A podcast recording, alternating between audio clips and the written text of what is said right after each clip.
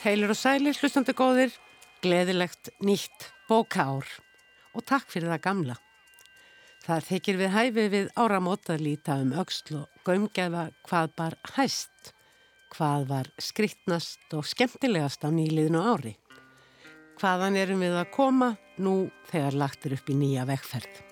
Í þessum þætti og reyndar þeim næsta líka verða því rifiðaður uppfáinar bækur sem fjalla varum í þættinum orðum bækur á nýliðinu ári. Það verður gest enda á milli ársins en undir lokþáttar revjum við upp COVID örugt útgáfuhóf einnar þeirra ljóðabóka sem vendi sölulista nýjastæðinar jólabókavertiðar. En Látra Björg átti ágæta endurkomu á því herrans ári 2020 í öðru sæti ljóðabóka sölulistans fáinum dögum fyrir jól. Í efstasætinu var svo 13. aldarskaldið Rúmi frá Persíu.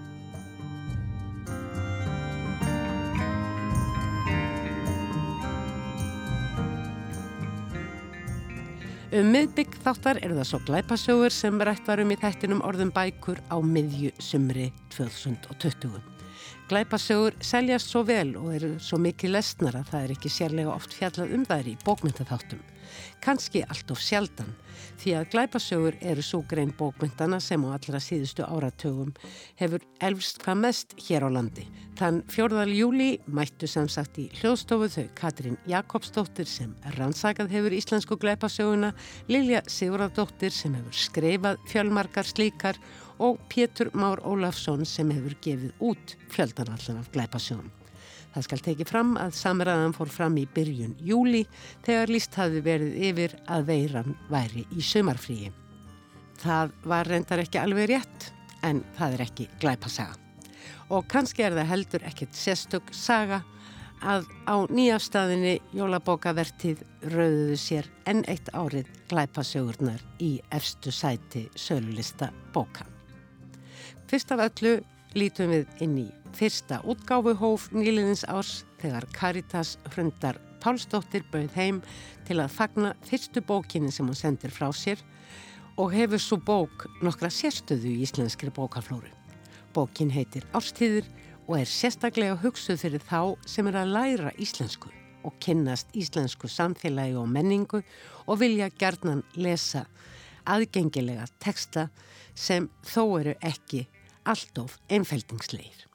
Gjör þið svo vel.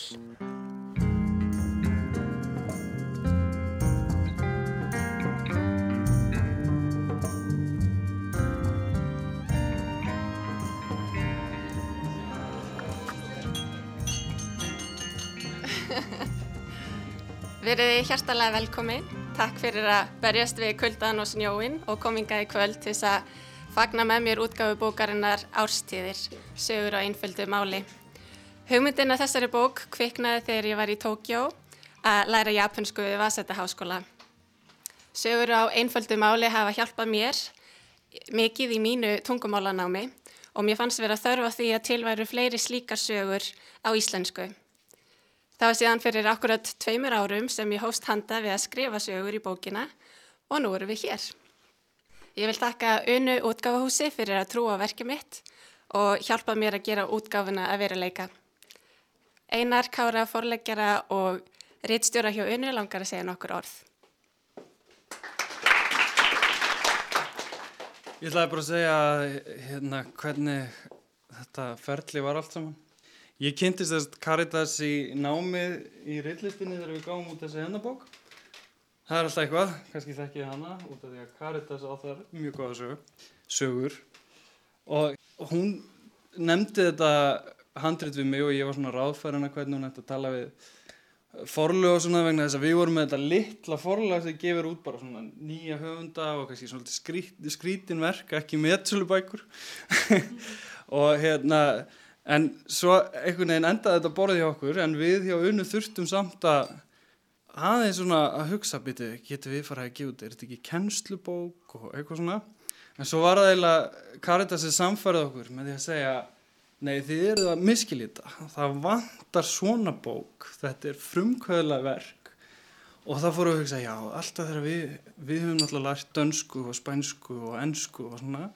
Og þá höfum við alltaf lesið svona texta og við hugsaum bara af hverju er þetta ekki til svo okkur fannst þetta passa svo ótrúlega vel við okkar hugmyndafræði að vera með nýja höfunda og svona öðruvísi verk og, og, og svona reyðja kannski svona óvennilega brautir í útgáfu, vonandi. Og ég ætla líka að nefna hérna hönnuðina sem gerði þetta glæsilega bókverk.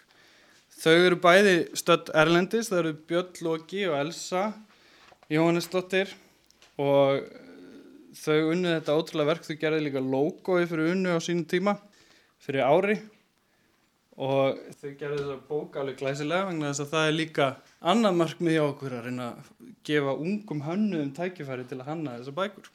Svo ég vil bara þakka Caritas fyrir að treysta okkur líka og bara til hamingi aftur. Ég held að hún ætla að lesa núna þessu bókinu. Gjör svo vel. Ég ætla að lesa fyrir ykkur tvær sögur úr ástíðum sem ég finnst viðeigandi á þessu dimma janúarkvöldi. Fyrir sagan heitir Strætó. Næsta stopp er Hlemmur, tenging við aðrar leiðir, heyrist úr hátalaраkerfinu. Ég er þreyttur, það er myrkur, ég horfi út um gluggan, ljósinn frá bílánum eru rauð og hvít, þau minna mig á jólinn. En nú er komin í janúar, skólinn byrjar aftur í dag. Næsta stopp er Barónstígur. Strætó stoppar og dyrnar opnast. Hér allar ykkur út, það kemur kallt loft inn. Barónstígur, endur tekur röttin. Ég hugsa um kólsvart kaffi. Það ríkur upp úr botlanum. Það fyrsta sem ég ætla að gera þegar ég kem upp í skóla er að kaupa mér kaffi. Næsta stopp er Bíó Paradís. Það kemur smá þögn, svo heyrist röttin aftur. Mundu að taka alla persónulega muni þegar þú yfirgifur vagnin. Please remember to take all your personal belongings when you leave the bus. Ég loka augunum, kvíli með aðeins. Kanski get ég lagt mig í nokkra mínútur. Eftir nokkra sekundur heyri sagt, næsta stopp er þjóðuleikhúsið. Ég prófa aftur að loka augunum, en eirun heyra. Næsta stopp er Lækjatorg. Óskum ykkur öllum gleðilegra jóla og farseldar á nýju ári, tenging við aðra leiðir. Ha? Ég opna augun og líti í kringum mig. Heyrðuðu þetta? Langa mig að spyrja. Engin segir neitt. Ég þegi. Gleðileg jól í januar. Ég brosi. Þegar við komum að ráðhúsinu segir röttin ekki neitt. Hvað gerist næst, hugsa ég og býð spendur þegar við komum að háskólanum. En eins og ekkert hafi ískorist, heyrist, næsta stopp er Háskóli Íslands. Vagnin stoppar og röttin endur tekur Háskóli Íslands. Ég set skólatöskuna á bakið og geng út.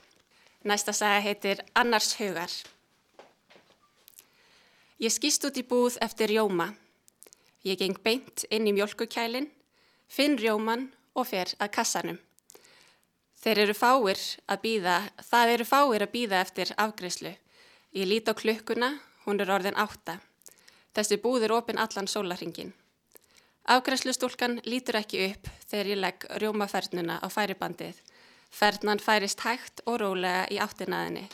Allt í einu lítur hún upp. Góðan daginn, röttin er vélræn. Hún tekur upp fernuna og leitar að streikamerkinu. Góð kvöldið, segi ég. Ha, varst að segja eitthvað, spyr hún. Ég segi bara góða kvöldið. Já, ok, segir hún annars hugar. Afgröðslustúlkan ítir á takka og spyr mig síðan hvort ég vilji póka. Nei takk, segi ég. En ég ætla að fá hjá þér kvittun. Hvað sagður þau? Geti fengið kassakvittun, spyr ég. Ha, viltu miðan, spyr hún. Ég kinga kolli og brosi. Upphæðin er komin í posan. Ég tek upp kortið og borga. Afgröðslustúlkan prentar út kvittunina og réttir mér. Eða góðan dag, segir hún. Ég horfi undrandi á hana. Ha? Vildur þú póka, spyr hún. Ég hristi höfiðið. Ó, segir hún. Njóttu kvöldsins, segi ég og hveðana. Ég geng eftir glukkalösum gangi að útidyra hurðinni. Fyrir utan er myrkur, en það er enga fréttir. Það er vetur. Rennu hurðin opnast og hleypur mér út í kuldan.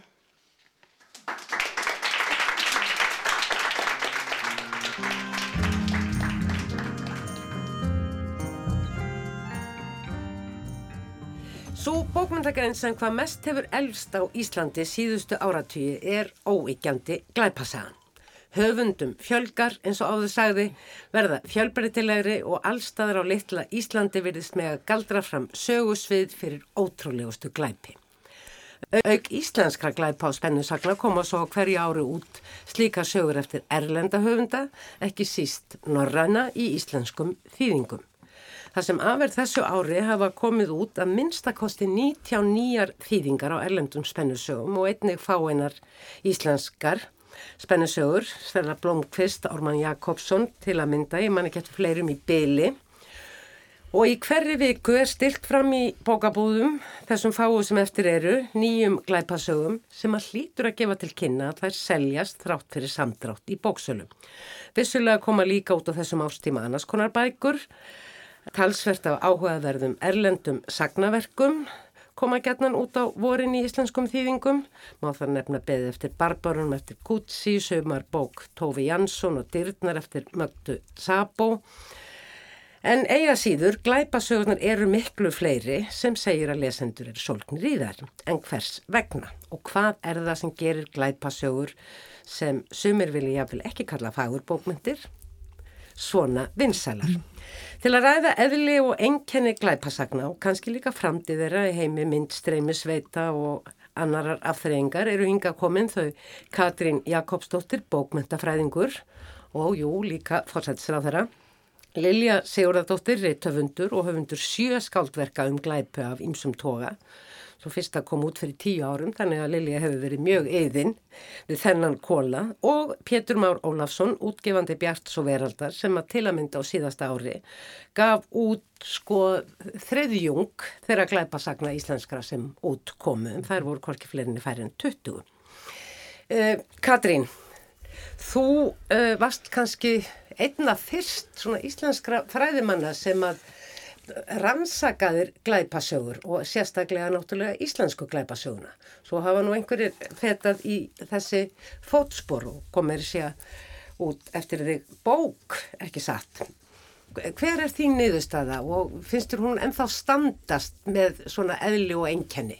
Hvað er, er það sem gerir það að verkum að þetta er svona vinsælt? Já, þetta er góð spurning og, og jú, ég var mjög heppin einhvern veginn að fá að taka þátt eiginlega í því að vera rannsaka sögu íslenskara glæpasagna á sama tím og það, þessi grein var að springa út hér á mhm. landi mm. og allir þeir höfundar, eða margir þeir höfundar sem síðan hafa eiginlega sett svipsin á glæpasagna eh, tegundina hér á Íslandi voru að stíga sinn fyrstu skref, þetta var sérst í kringum 1997-98 mm.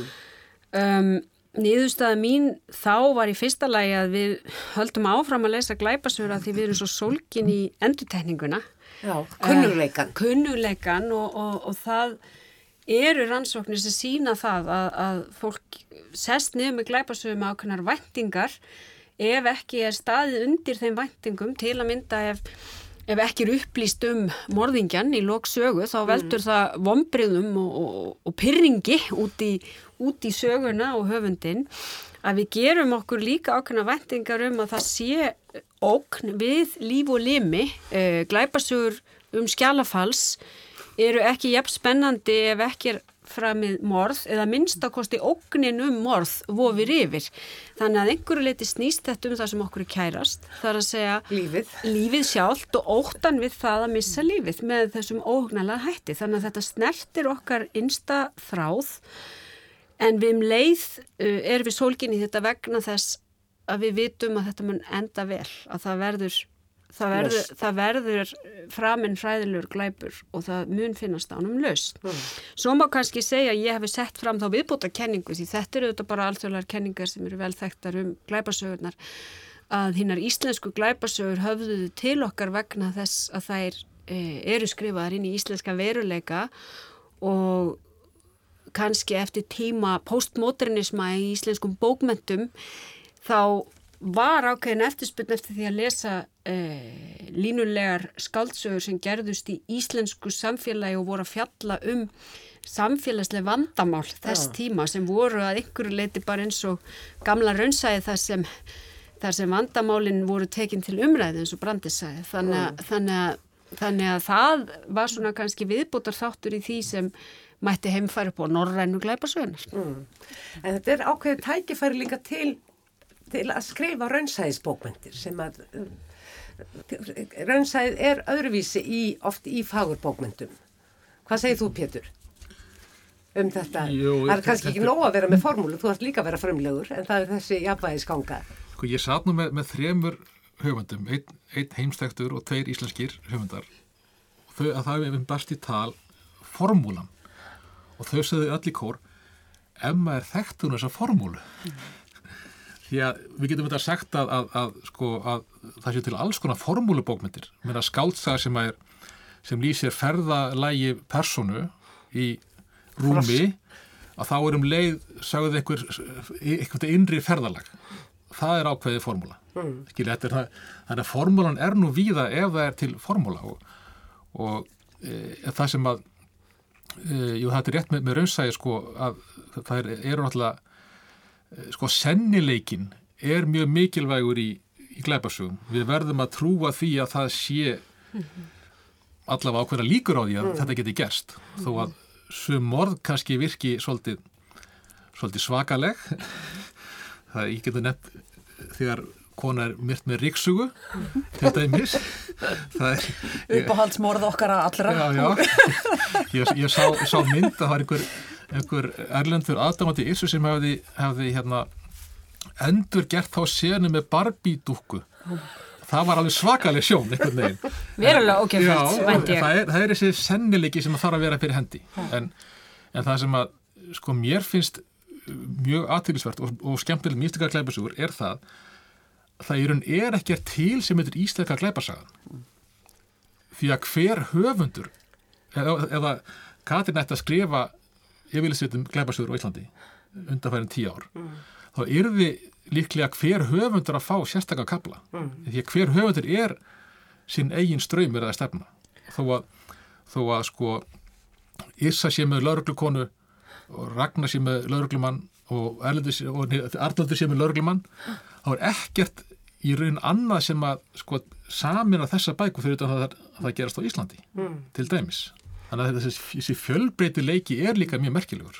Já, en það er samt eitthvað með kunnuleikan og svona og ákveðið form og nú ben ég orðið mín til þín höfundurinn hugsað þú einhver staðir í ferlinu, kannski ekki með þú ert að spýta út úr því sögunni og söguþræðinum og, og svona og svona, svona þetta gerast og þá kemur þessi út úr skápnum mm -hmm. í orðsins fylgstumerkingu Já, já, það gerir stundum hjá mér. Já, nei, og stekkur á einhvern og drefur hann þess vegna. Já, já, já. Það, hérna, já, sko það þetta, þetta er alltaf glíma við form og ég held að í raun og veru kannski allir sem skrifa bókmyndir er að glíma við einhvers konar form, sko ljóskáld er að glíma við ákveði form, leikskáld er að glíma við ákveði form og það er það sem er gaman. Og það sem er talað sko um oft svona, á svona neðrandi hátt hvert glæpa höfundum í þetta er svona formúla eins og það sé auðveld mm. og, en það er alls ekki auðveld eins og, eins og Pétur var að veitna í sko. Ef þessi formúla væri til og þægileg sko þá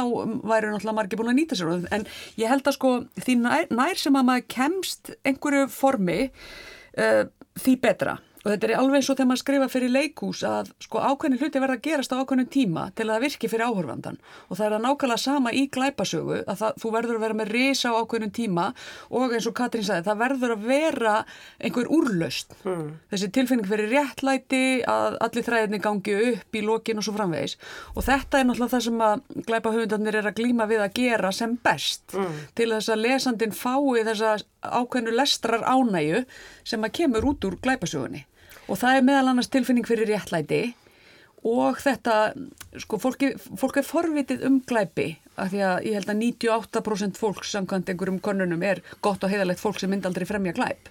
Og svo eru, sko, og, eru við svo forvitin um insýn inn í huga og, og líf og, og hérna, aðtapnir þeirra sem að fremja glæpi. Og það er svona hluti af þessu og svo er það þessi þrá eftir réttlætinu sem að yfirlegt glæpasagan gefur en veruleikin gefur hins vegar ekki alltaf. Nei. Mm. Og það sem að mikið var talað um á sínum tíma þegar svona norranna glæpasagan á, sent, á síðustu öld eða svona eftir sjöval og valu nýjunda áratögnum og upphæðist tíunda var að blómstra að þarna væri komin svo ákjósanlegur vettvangur til þess að krifja samhengi í samfélaginu og þetta nýttu sér líka höfundar ekki bara við samfélag uh, þess dags uh, eða sam, samtíma síns heldur líka jafnvel í, í sögulegu samhengi. Sögulega glæpasögur hafa ekki verið svo algengar uh, á Íslandi er það, nema kannski helst Arnaldur.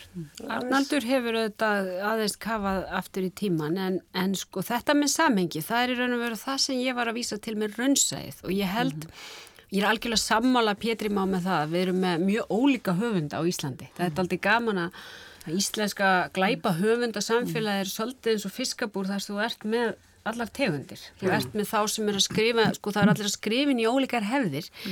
En eiga síður má held ég greina ákveðna þræði. Það, við erum að sko oft er ver, verið að fjallum ímis samfélagsmein kimbundið ofbeldi, fordóma gagvart hins eginn fólki. Uh, þróun borgarsamfélags hjá Arnaldi, svo dæmi sér tekið. Þannig að þetta er í raun og veru það sem ég vitna til með raunsæðið þráðin í glæpasögunum. Og það er nýtt formið til þess að varpa einhverju ljósi á, á einhver samfélagsmenn. Báa stöðu heilbreyðiskerfisins, skiljið, ég get bara haldið áfram, ég sé þetta í hverri sögu sem ég les, hvort sem hún er skrifið inn í þetta hitt form. En söguljósunar, Arnaldur þetta, og þetta er aldrei gaman að því, hann hérna, fóraðis aftur í tíman með Erlend og, og, og, og hérna, byrjaði á að fara aftur í tíman með Erlend og Marjón Breim og fór til 8. áratörins með hérna, skák einn við fræga, Spassky og Fischer og er núna komin náttúrulega á árin í kringu setni heimstyröldur og okkur þeim. Þannig að það er svona en það eru nú til fleiri dæmi geti ég trúa ég ætla nú aðeins að rifja hér upp. Já, ok, kannski kemur það. En það er sko oftast í íslenskum glæpasögum þá, þá er svona yfirvofandi lífshætta eða beinlínis að að einhver hefur verið myrtur, að það er bara lík. Og það kemur yfirleitt nokkuð snemma í bók. Já, það er sko, með sé að í krimu þá er, þá er þið versta afstæðið, það er að segja morðið. Í, í, hérna, í trillum eða thrillerum þá er þið versta það er yfirvóðandi eins og Issa reyndi að samina ég maður því að það var bæði krimi og thriller. Já. þannig að þetta er svona Og rugglaði margan í, í Já, rýminu já, já. og, og kannski gott dæmi um það þar sem að svona uh, tveimur ströymum er, er, er, er fléttað saman sko. Og Mér leik- fannst það gríðarlega uh, sko, spennandi bók. það sem er með leikur með formið og kannski ekki beint þetta að segja að þetta sé formúla. Nei, að vera að þennja út formið. Já. og það er náttúrulega eins og Lilja nefnir hérna áðan það er svolítið verkefni höfundarins það er einhvern veginn að að, tegja á forminu og, og nýta sér alla möguleika þess þú gera það líka til dæmis eins og í sveikum, bæði sko, umgjörðin, sögursviðið, þarna pólitíkin Já, já. og svona bakliðin á því, bílstjórin og þeir sem fara út með ruslið og, Já, já. og svo framvegis. Og, Já, já, ég var einmitt þar sko með svona eitt gamalt mál sem að svona leistist eftir því sem leið á en, en mínasögur eru flesta svona myndi flokkast sem thrillerar eða spennusögur frekar. Ég lifi leitt ekki með svona líki í byrjun sem að síðan er unnið úr en, en hérna, það er bara önnur hefð og, og, og það er einmitt skemmtilegt að sko íslensku glæpahöfundarnir skiptast svona einn til tveir á hvert svona undir, hvern undir, undir flokk glæpasögunar já. Löggusögurnar, sálfræði, trillin, það er nú ekki, það er ekki mikið um þá. svona stálfræði Já, trilla hvað? Það er ekki mikið Já, um geðsjúklinga. Ég held nú að uh, flokkist algjörlega í Já. þennan Já. en flokk og, Já, já. hlut, og þínar bækur sumar hverjar Lilja þannig að það Solveig Páls hefur aðeins farið í Já. þessa átt líka og, og hérna og jafnvel næstu því nálgast horror sko eins og í refnum. Og, hana, og svo er cozy crime og það er þú veist hitt og þetta sko. Það er, og hérna já það er alls líka konar eh, glæpasögur. leyndarmál um fortíðinu eða fjölskyldu já. sem að passa náttúrulega vel við Íslands samfélag sem er svo þétt riðið í venslum. Já, það er nú einmitt sko þessi áskorun íslenskra glæpasagnahöfunda að vera í þessu litla samfélagi og, og um leið segja þessa sögu sem þarf að vera sennileg eins og við höfum rætt, þarf að segja að maður trúi því og hún geti gerst í samfélagi þar sem við höldum að allir þekki alla. Og þá er oft nærtakt einmitt að nota fjölskyldur lendamál heimilisofbeldi uh, ofbeldi gegn börnum jafnvel, eitthvað sem er hulið innan vekja heimilisins mannskvörf sem uh, Arnaldur auðvitað gengu aftur alltaf hjá honum. Og maður átt að segja á því þegar maður er svona glæpasagna fíkil eins og ég oft hafa höfundar jafnvel nýtt sér einhvern efni við úr fortíðinni þar sem eitthvað hefur gerst og þeir vinna svona með það upp og nýtt Algjörlega. hvað dæmi Hvaðan grýpur þú þitt söguefnið? Er það eitthvað sem að er í, farvatninu í sam, sam, umræði í samfélaginu eða, eða Og já, Viðburðir. kannski að maður er nú oft með eitthvað svona lúrandi í höfðinu lengi en til dæmis núna nýja sagan mín sem kemur fyrir jólin sko, ég byggi hana á þessu hagenmáli þarna í Nóriði. Ég fekk mjög góða hugmynd upp úr því. sem er enn óupplýst? Já, þegar Anne-Elisabeth Hagen hverfur bara úr eldursunu heimi hjá sér og enginn veit hvað um hana var og, og, og það býður hérna, sem sagt, Svakalega góð byrjun. Já, jú, jú, þannig byrjar þessi nýja bók mín nema svo náttúrulega er ég ekki að byggja þetta þannig séð á þessu máli en, en hugmyndin kviknaði þar mm. sagt, og, og hérna, þannig að stundum er maður að byggja á einhverju raunverulegu sem hefur gerst og mannrán er til dæmis eitthvað sem að við erum ekkert mjög vön hérna á Íslandi en um leið og það er búið að gerast í Noregi þá verður það allt í hennu trúverðugt að skrifa um að það geti gerst á Íslandi. Það er svo skrítið, þetta er eins og þegar Úlaf Palme var drefin þá allt í hennu var hægt að fara sko, Myrða stjórnmálamenni í, hérna, í, í glæpasögum. Já, þetta er mjög nátengt í rauninni samfélaginu og umhverfinu, umhverfinu einhvers konar nánd. Já, ég held að sé alltaf einhvers konar speill og kannski vera eins og Katrín var að segja, vera að varpa ljósi á einhver, einmitt, oft samfélagsmein eða eitthvað sem er hulið. En, en, en já, hugmyndirnar koma alltaf úr umhverfinu held ég, sko, einhvern hátt. og það hefur náttúrulega verið kenningin svo að þetta sé sko að tilurð þessara glæpasögum sem við þekkjum hann að sé nátend myndun borgarsamfélags. Vegna þess að þar leynist leindarmálin þar að segja Það er hvað, svona í lók Já, það er- 19. aldar sem Já. er fyrstu sögurnar að koma Já. fram í útlöndum. Já, og þá, og raunar mjög skömmu síðar hér á Íslandi, að því við vorum mjög fljóta til okkur þess að hefða mjög fljóta að þýða þessar erlendu sögur. Það var mikil, við vorum mjög snögga til okkur þessa nýjustu tísku og það er einmitt þetta sem ég held að, að, að minnstakosti þeir sem svona lesa glæpasögur að það er svona þessi tilfinning þegar maður mæti svörstum sendibíl klukkan þrjú á nóttu og maður er að koma niður ártisbrekkuna og það er engin á ferð og maður hugsar hva, hvað ætli það sé nokkuð verið að flytja einhvern brott nauðugan í þessum bílskiljiði. Það er þetta, þú, ég veit ekkert hver, sko ég nefni þetta bara því að ég, þetta kom fyrir í nótt þar sem ég var að keira í bæin eftir langa fundaferð og, og mæti svörstum sendibíl og ég segi hvað ætli, ætli það sé eitthvað krukutaferð. Þetta er, ég held að þetta sé svolítið til margsum sko hvað við erum dekuru hérna í sko vestrænu samfélagi, Vi, við, sko við höfum það svo gott og við er í raun og veru svo lítið af glæpum og rillingi í kringum okkur að við sækjum í þetta því að maður þarf alltaf að sko æfa tilfinningasviðið mm. að meðan í löndum sko það sem að er virkilega erfitt hérna, eins og bara þekki til í Mexiko og svo leiðis að það er, Það er er fólk bara að lesa ástasugur, bara sögur sem Akkurat. enda vel og eru bara um eitthvað fallegt. og er ekki um einhvern hrylling. Nei. Það, er ekki, það gengur ekki jafn vel í fólk. Einmitt. En þótt að eh, orðið langt um liðið að Íslendingar fóru að eh, reyna sig við glæpasögur að þá verður samt svona þessi glæpasaga sem við þekkjum í dag, íslenska eh, samtíma glæpasagan, hún verður, er tiltölulega ung í samhengi svona vestrætna glæpasagna. Eh, Þið gefið líka út þýðingar, eh, Pétur, sko, hefur þau eitthvað spáð í eða þið, jáfnvel heim líka, munin svona glæpasögum eftir löndum? og hér virðist sko norranna glæpasögur ganga þær ekki best í landan svona hvað það eru þýðingar var það náttúrulega langmest áberandi. Og það er einhvern veginn uh, höfða til okkar. Þetta er náttúrulega svipuð samfélag á mörguleiti og svipað umhverfi og, og svona kunnulegt kunnulegar personur kannski kunnulegar aðstæður við höfum kannski freka verið að sækja svona spennusugur til, til bandaríkjana svona, svona thrillera eh, og, og frekar einn glæpasugur beint.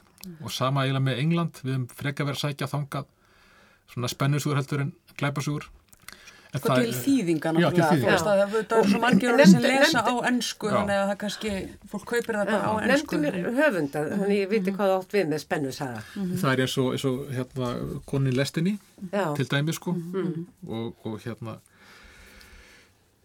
hva, hvað er það að segja hlera? Hva, hvað, hvað stendur til þess Mary Clark Higgins? Já, hún alltaf er já. svo verður eins og Dan Brown bara sko Já, Já, já. svoleiðis, já. Svona ráðgátur líka í Ég bland. Dan Brown, þetta er nú svona uh, það sem við getum kallað svolítið svona hasarbókmyndi með þessu menningarlega ívafi sko. Það, það er svona sem er svolítið skemmtilegt Það er straumurinn, sko. Já, það er svona það sem mætti kalla menningarlegar uh, glæpasögur sem er ekki bara sögulegar heldur snúast um einhvern svona menningararf nafn Rósarinnar var þetta miklu meira en glæpasaga en er svona Má lesa hana svona, svona, já, svona. Já, emitt Viktor Arnar Ingólfsson náttúrulega hérna, var aðeins að glíma við þetta líka sko. Sögulegt, glæpasögur. einn af þeim. En svo svona dæmis eins og Jón Espu með sinn Harry Hóler og svo sem uh, komið fram með uh, aðra, aðrar aðalpersonu líka. En hann er gríðarlega vinsall. Já, já, það er sko þessi norrænu höfundar, þeir eru bara þeir, og það er allstæðir í heiminum bók eftir bók eftir bók við sjáum bók. bara, ef, bara á, ef, ef við skildum fara á flugvöld eitthvað í framtíðinni, erlendis Já. þá sjáum við þar mjög mikið af, af norrænum glæpasugum En þetta tengist líka því þú nefnir Jón Esbo. Sko, eitt er sagan og, og formið og, og samfélagi sem hún sper eftir úr og svo verður maður náttúrulega að hafa áhuga á hérna aðalpersonunum. Já, Maður verður að tengja við personunar og, og það er þetta, það sem glæpasagna höfundar hafa skemmt sér við eiginlega frá byrjun, það er að hafa aðalpersonu sem, sem við tengjum við. Já. og uppaflega voru þeir oft kynnumst smám Já, saman frá bók til og bók. þeir hafa oft verið gerðir skringilegir eins og Sherlock Holmes eða Hercule Poirot hér í árdaga. Mm þeir hafa verið gerðir briskir og, harmrænir eins og, eins og Marlowe og Sam Spade skiljiði og svo, hef, og, svo Og Martin ke- Beck. og svo kemur Martin Beck sem alltaf var með kvef og, og svolítið debró svona. Og hérna og Valander og, og, og þú veist Harry Hole náttúrulega með sitt sín bara, sín stappa af vandamálum skiljiði, þetta er ekkit smá.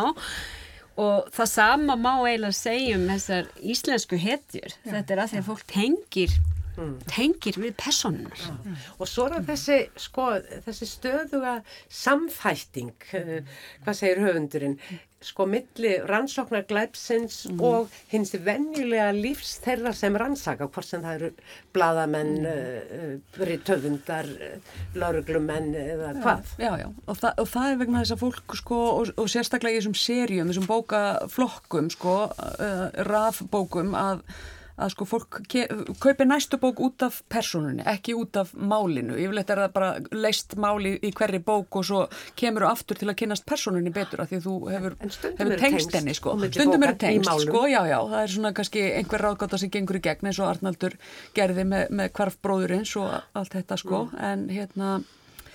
Já, þetta er, þetta, er, þetta er akkurat formið, sko, glíman að setja nógu mikið af, sko, engalífi aðalpersonunar eða aðalpersonana til þess að þú, hérna, uh, bondir við hana, sko, til að tengist henni tilfinningarlega og, hérna, og hins vegar að, vera að leysa einhverja ráðgáttu sem gefur þér í lokin þessa tilfinningu fyrir, hérna, svona vellaun í lokin, sko.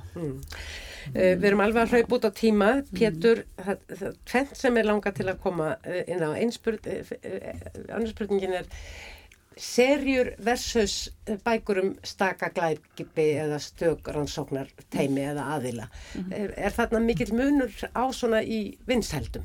Er, er, er gott ef höfundur fer í serju? Já, það er það Svona fyrir útgefanda. ég bara, bara lísti bara með, með dæmisögu, eða sögu þegar við vorum að kynna Yrsu fyrst til söguna sem glæpasagnahöfum þá er hún algjörlega óþekkt erlendis.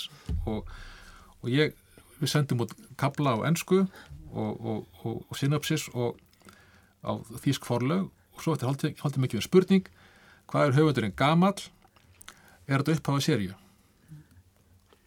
og ég gátt að svara með, með, hérna, með aldurinn en ég var að spyrja Yrsu hvað þetta verið serja og þetta er serja og, hérna svo kom tilbúð bara þannig að sko serja hjálp, selur. já hún hjálpar sko, bæði alltaf að, að, að höfundurinn hann er alltaf ákveðið hvað maður sé vörumerki sem er einfaldar að, að kynna. Og svo hjálpa líka að vera, e, þar að segja ef að karakterin hefnast vel að vera með hérna hann í fleiri bókum. Og það spillir ekki fyrir að vera með eitthvað sem límir þá sér hann á sama með einhverju yfir sögu þessa briska lögreglumanns eða lögreglukonu eða lögumanns eða hvað það er. Þannig að þetta er svona, það hjálpar að vera með, vera með seríu. En þeir þurfi ekki alltaf að vera breyskir.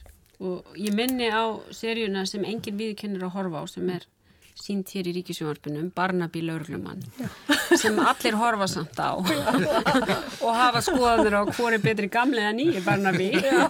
Og er hann samt mjög lítið breyskur og en hann er bara svo óskaplega notalegur. Já, hann er notalegur, það er gott að sopna yfir honum. Nákvæmlega. Það er einmitt komið það eh, síðasta, það eru aðþreyingin í gegnum streymisveitur, mun lesenda hópur glæpasögunar sem er jú fyrst og fremst aðþreyingar bókmyndir uh, uh, endurnýjast.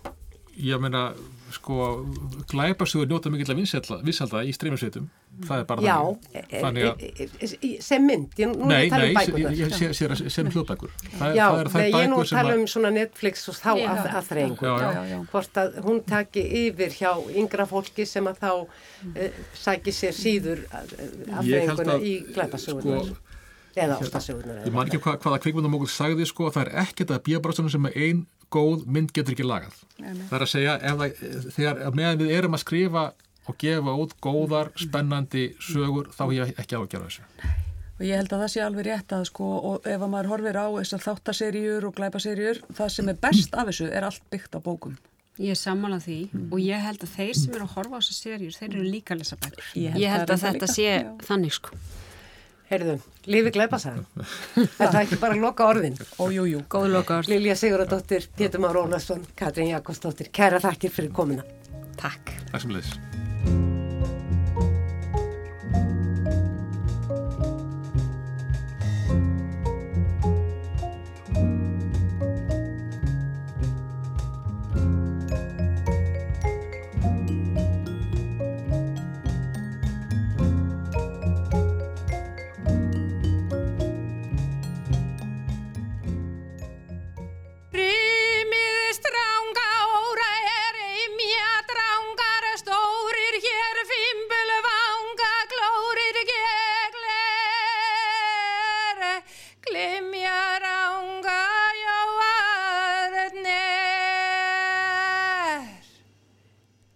Hér heyrðum við Ragnheiði Ólafsdóttur hveða eina af vísum Látrabjargar um vind, sjó og veður við Látrabjarg.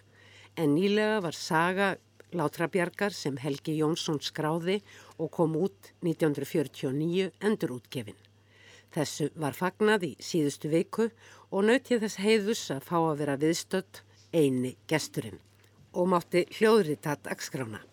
Þar sem Ragnheiður Ólafsdóttir og Kristín Lárusdóttir kváðu allmargar vísur Látrabjargar, aðalsteinn Eithórsson fór með galdur og kvartett úr kamerhóknum Reykjavík Barrokk flutti largóþátt úr strengjakvartett Magdalenu Lombardini Símen sem var samtímakona Bjargar fætt í Feneum.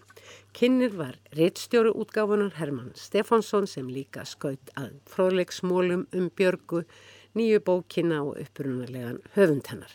Hér á eftir fáinn brotur þessari dagskrá sem er aðgengilegi heild á Facebook.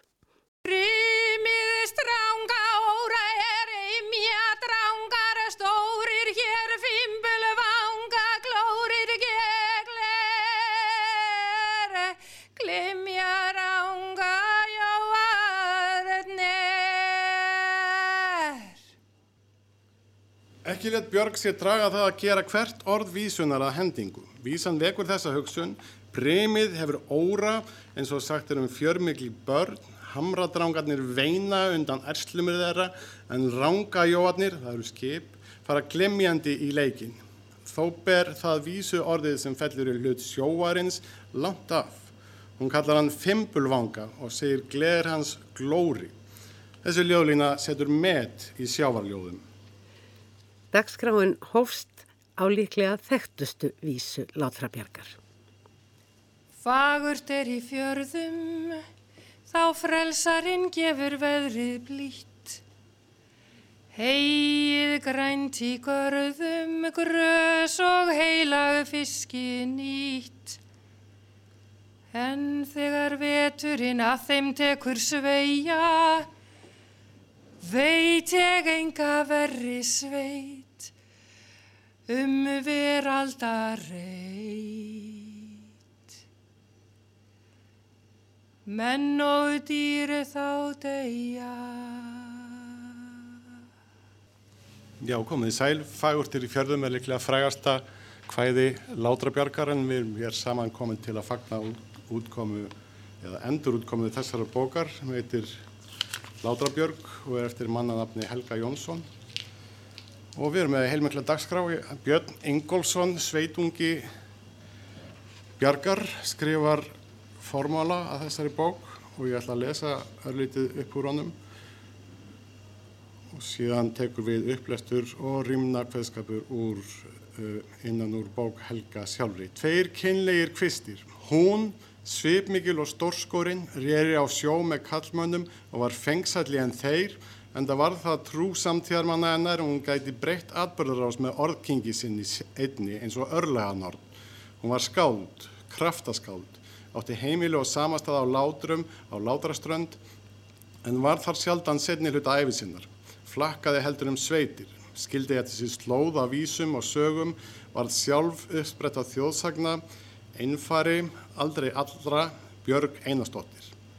Hann ógs upp í einangrun heiðarbílis, bondi og skáld, hætti búskapum fymtugt og tók að sinna ástriðisunni að skrifa og skrásetja merkilega sögur.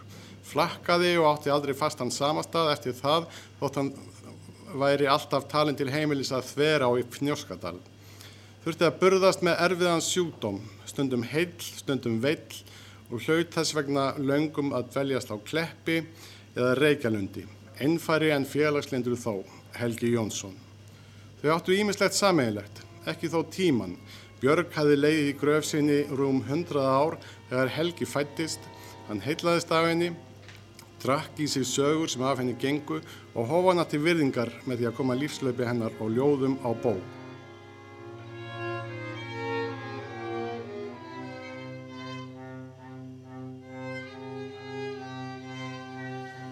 Það er stundum talað um Björgu sem alþýðuskáld. Ég veit ekki hversu það stendst. Hún er ansi mentuð, hún er af síslumönnum og prestum í alla rættir.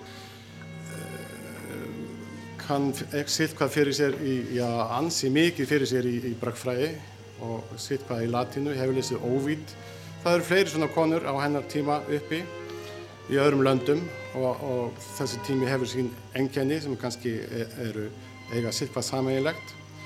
Þar meðal er, er tónskáld af nafni Maddalena Lombardini Sirmen sem var fyrirleikari tónskáld og samtíma kona Bjarkar.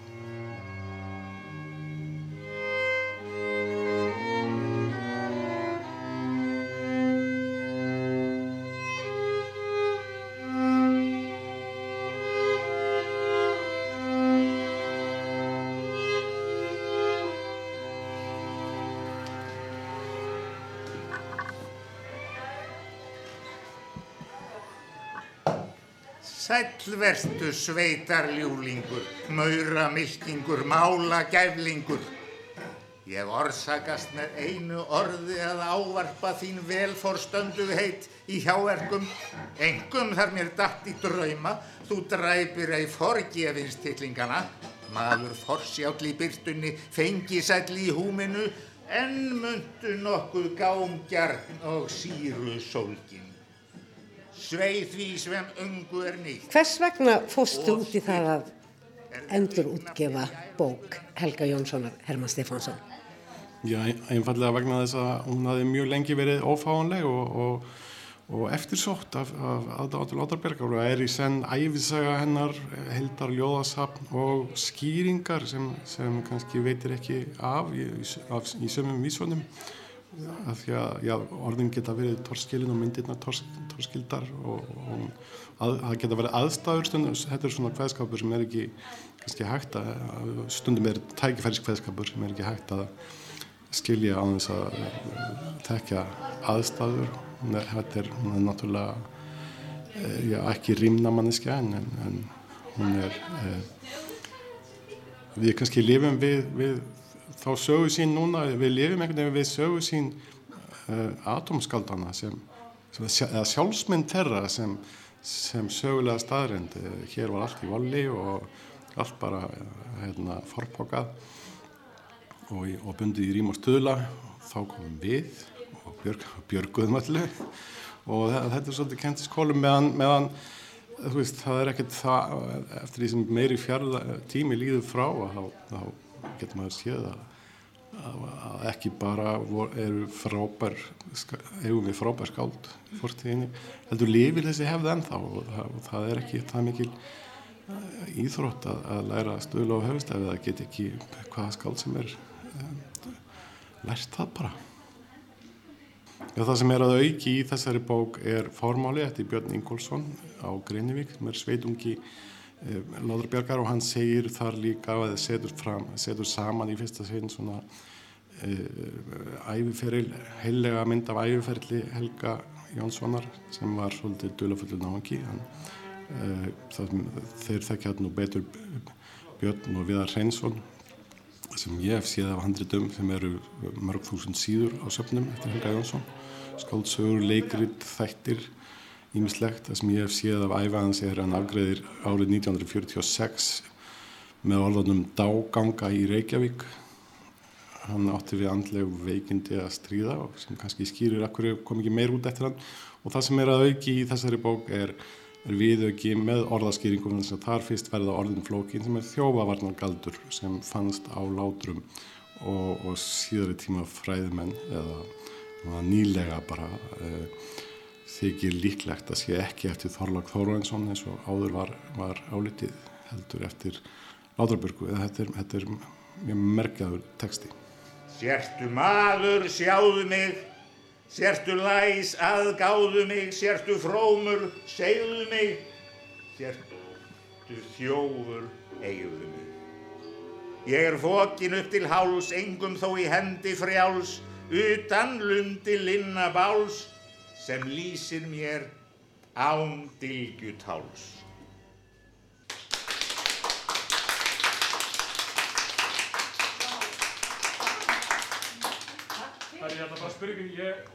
Heimi Freyr Hlöðursson heit ég og stefnan er að gera heimildamind um Látrabjörgu.